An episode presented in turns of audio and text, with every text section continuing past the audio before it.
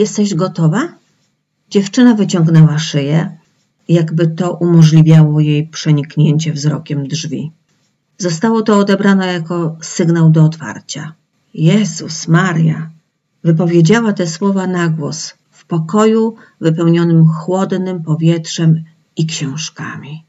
Książki były dosłownie wszędzie. Przy każdej ścianie stały wypchane nimi schludne półki. Zza książek nie widać było koloru ścian. Na okładkach czarnych, czerwonych, szarych i w ogóle we wszystkich możliwych kolorach pyszniły się litery wszelkich krojów i wymiarów. Była to najpiękniejsza rzecz, jaką widziała w swoim życiu. Uśmiechnęła się na widok cudu, że też taki pokój w ogóle istniał. Tego uśmiechu nie potrafiła zmazać z twarzy, choć bardzo się starała. Czuła na ciele spojrzenie kobiety, a kiedy na nią spojrzała, ujrzała oczy wlepione w swoją twarz. Cisza była nie do wytrzymania. Rozciągała się jak elastyczna tkanina, gotowa w każdej chwili pęknąć. Dziewczynka przerwała ją. Mogę? To słowo stało pośrodku wielkiego pustego obszaru pokrytego drewnianą podłogą. Książki wydawały się niedosięgłe. Kobieta skinęła głową. Tak, możesz. Pokój skurczył się do normalnych rozmiarów. Dziewczyna mogła ich dotknąć, robiąc zaledwie parę kroków. Przejechała dłonią po pierwszej półce, słuchając szelestu, z jakim jej paznokcie dotykają kręgosłupa każdego z tomów. Brzmiało to jak muzyka lub tupot biegnących stóp. Użyła obu dłoni, przyspieszyła. Jedna półka po drugiej. Zaśmiała się, jej głos podszedł wysoko do gardła i rozszedł się po całym pokoju.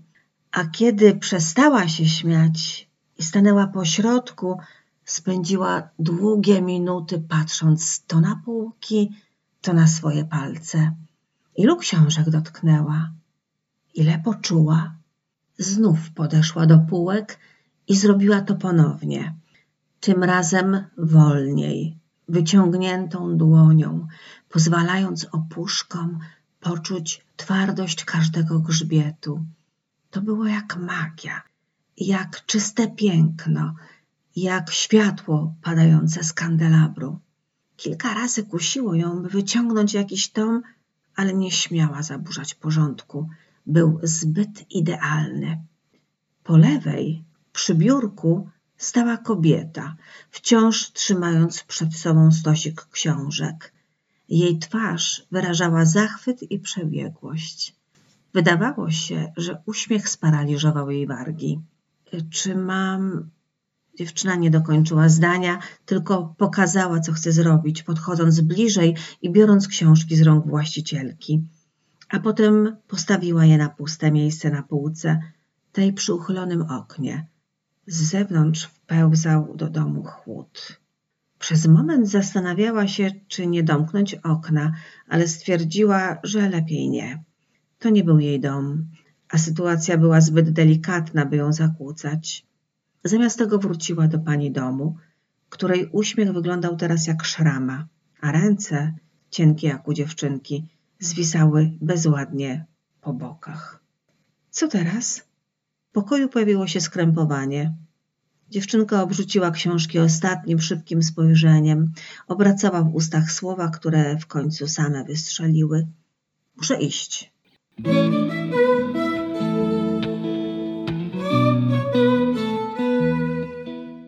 Był to fragment książki Złodziejka książek Markusa Zusaka.